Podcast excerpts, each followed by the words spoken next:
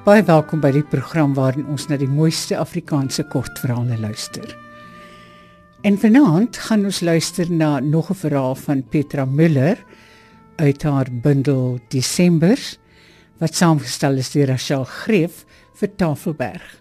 Die verhaal waarna ons gaan luister se titel is Die blinde man se huis het nie gordyne nie. En Rolien Daniel gaan dit vir ons lees. Lekker luister. Die blinde man se huis het nie gordyne nie.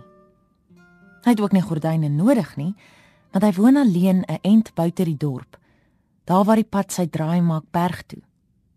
Wie sal hom daar afloer? Min mense loop met daardie pad, behalwe die steenmakers wat laat Vrydagmiddag verbykom met wyn en witbrood. Hulle is op pad na hulle huise toe, in die lokasie by Potteklei. Dan sit die blinde ou man op die muur van die bruggie waar die stroom tussen die varingwalle wegval. En hy hou twee 10 note in sy hand vas.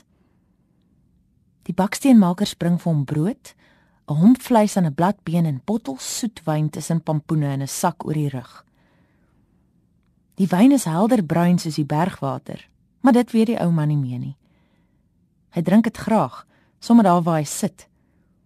Die baksteenwerkers kyk hoe die dik wyn uit die bottel kantel en wegraak in sy mond terwyl sy adamsappel op en af dobber. Hulle sluk simpatiek saam. Nadat hy die boonste kwart weggedrink het, skep die ou man oopmond asem en 'n bietjie water loop uit sy onsiende oë. Hy vee die bek van die bottel met sy handklou skoon en hou dit na die ander uit. Elkeen drink op sy beurt met lang hale tot die bottel leeg is. Dan gooi hulle dit in die besemgoedpol langs die stroom Die ou man hoor dit daar klink. Hulle vat sy geld, tel die klein geld omstandiglik af in die bak van sy hand en vou sy vingers daaroor toe. Hulle verneek hom meestal nie. Die ou blinde man is 'n wit man. Hy kry 'n goeie pensioen en hulle kry deel daarvan. Hulle ken mekaar al lank. Daar is tye dat die ou man se pensioen al brood betaal het, maar daarvan weet hy nie. Die ou man het sy sig in die meele verloor, iets te doen met die meelstof. Dis lank gelede, toe die ou man nog tussen wit mense gewoon het. Hulle lag oor hom terwyl hulle aanstap. "Totsiens, oupa," roep hulle. Hy waai na hulle in die donker verte van waar hul stemme kom. Dan stap hy onvas, maar doelgerig met die paadjie deur die besemgoed op na sy huis op die ruggie. Dit staan daar oop en bloot met laat sonlig wat op die oorgeblewe ruitte val. Hy ken elke trapplek van die paadjie daarheen. Die melkerige donker het oor die jare stadig oor hom toegesak en hom kans gegee om gewoon te raak daaraan.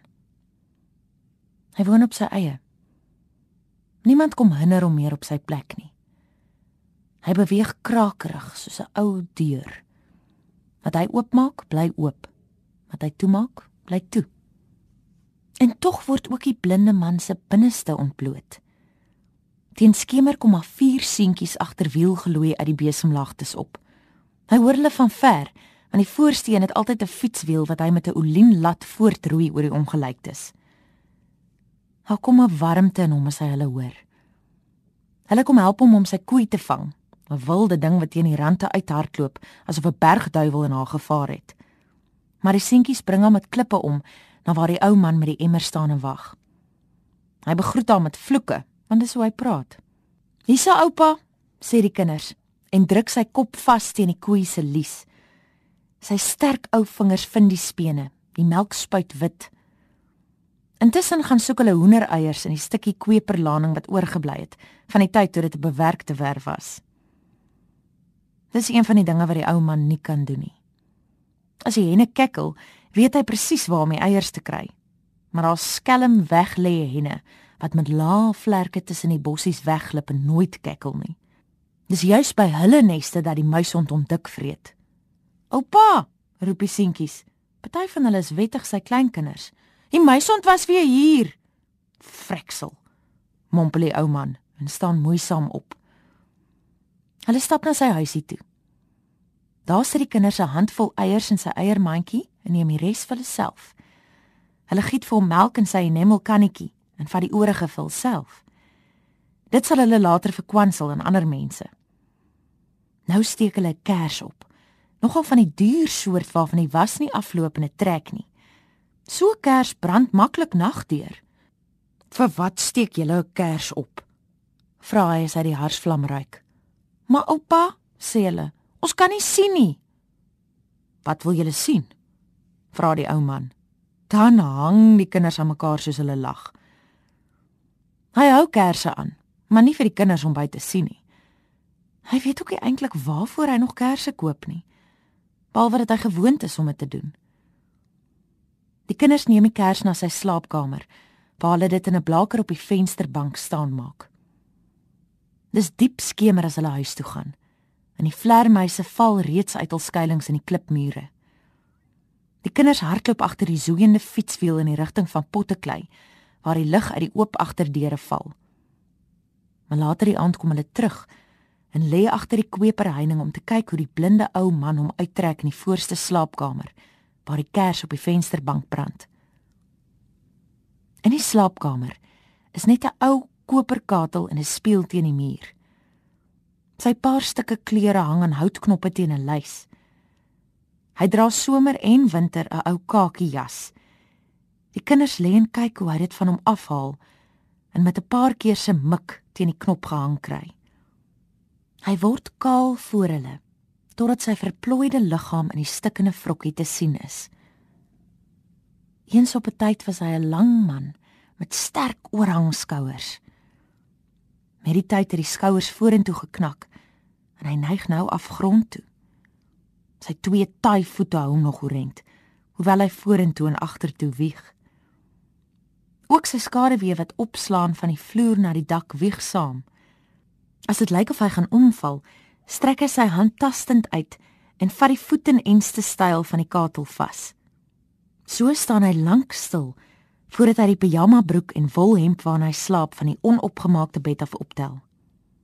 Joelend agter die kweperbos kyk hy seentjies na sy liggaam wat lyk asof dit reeds soos waterlope afgrond toe vloei. Party van hulle is waagsaam en gaan hang aan hul vingertoppe teen die vensterbank. Nou kan hulle sy versonke naaltjies sien en die sakplooi wat afloop na die haarknoets tussen sy bene.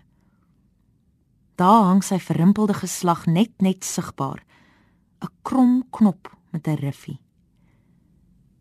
Soms staan die ou man in gedagte en krap. Hy neem sy eiersakkies in sy hand en krap asof dit juk. Dan prewel hy en die kinders kan die ritse verwensings hoor wat die ou man vertaal gebruik. Hy draai hom om en hulle sien sy armoedige rug en boude. Langs sy flanke is die vel afgerem en die vlees ingeduik asof dit uitgeskep is. Hy moet 'n sterk ou man gewees het op sy tyd. Vrydag aande, as hy dronk is van die soetwyn, draai hy om en om soos 'n malby. Dan laat die kinders hom maters betaal om te kom kyk. Lank nadat die kinders reeds weg is, brand die kers nog op die vensterbank. Tot laat in die nag wanneer die vet afgedrup het en 'n poeltjie wit was in die blaker. Die ou man weet dat die kers brand, want hy kan die sagte wapperende geluid van die vlam hoor, soos dit heen en weer trek in die tog. Hy dink aan dat die kers die netgordyne aan die brand kan steek. En onthou dan dat daar lank nie meer gordyne voor sy vensters is nie.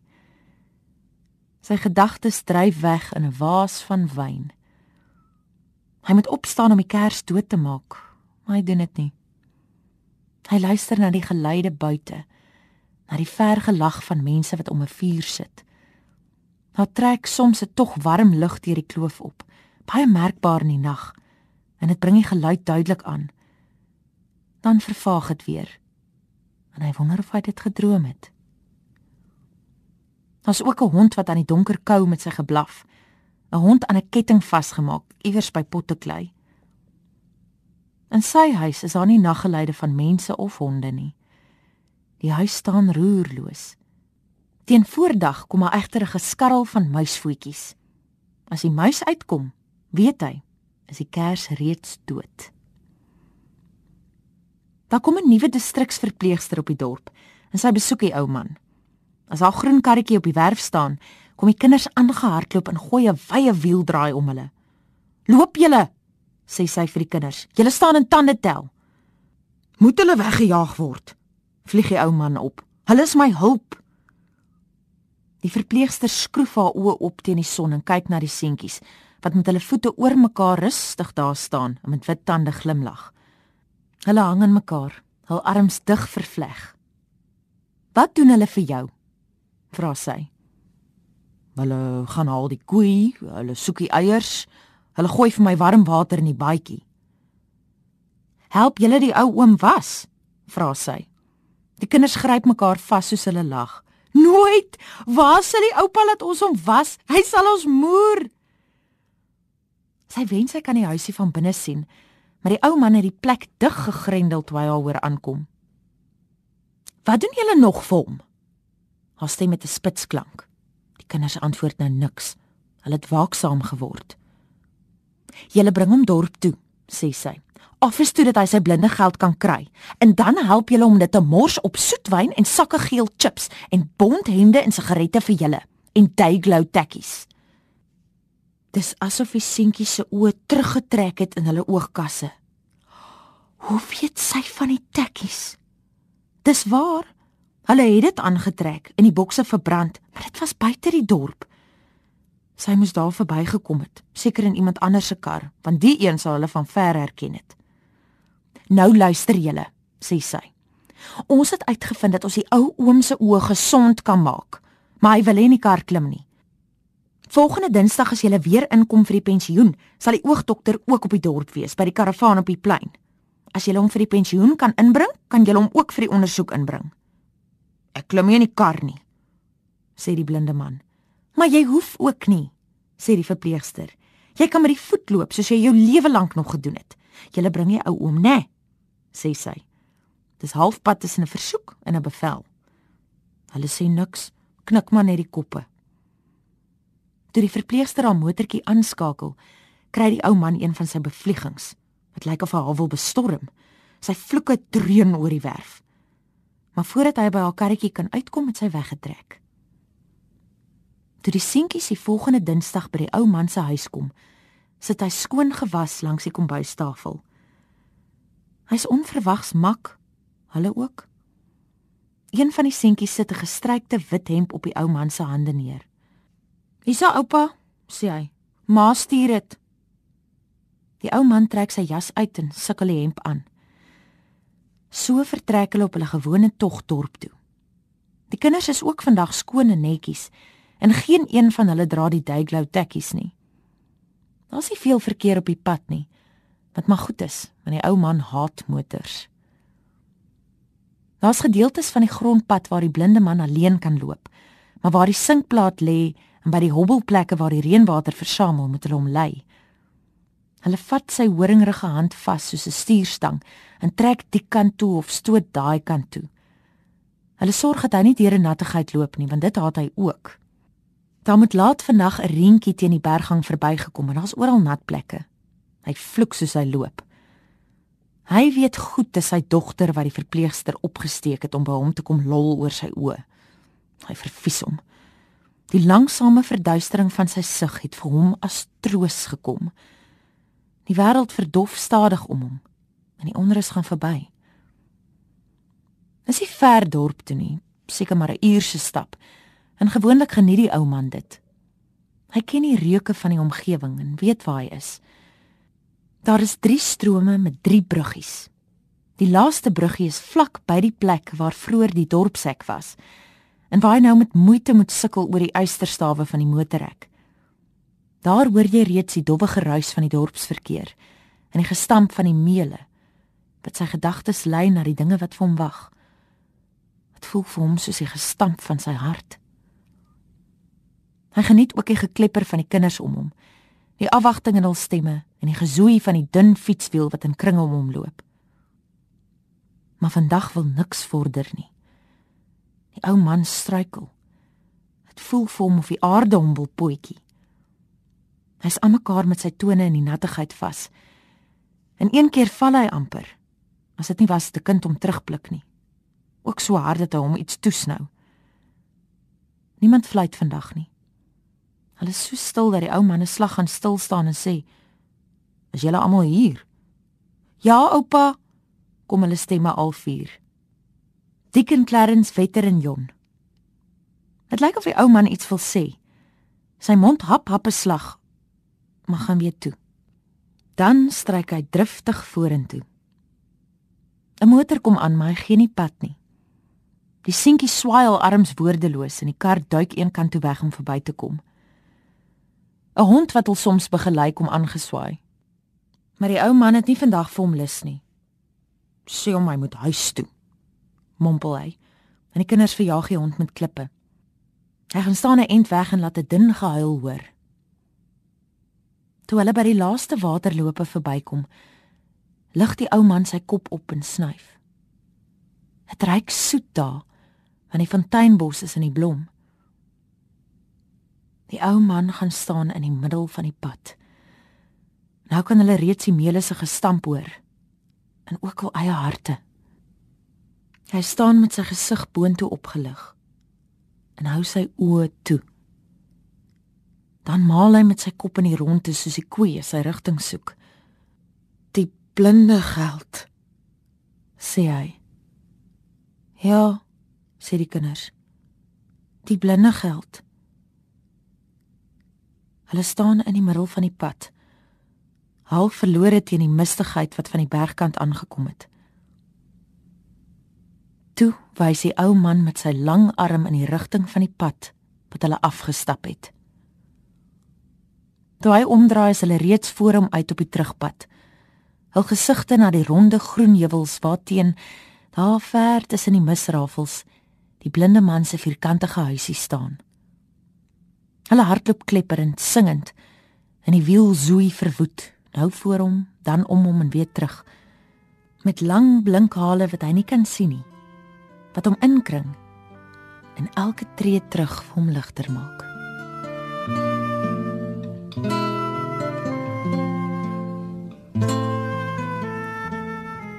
Die blinde man se huis het nie gordyne nie. Dit is die titel van die verhaal waarna ons pas geluister het. Dit is geskryf deur Petra Müller en gepubliseer deur Tafelberg. Rolinda Neel het dit vir ons gelees. Van my, Margolite, alles van die aller aller allerbeste. Tot volgende keer. Mag dit met ons almal goed gaan. Totsiens. thank you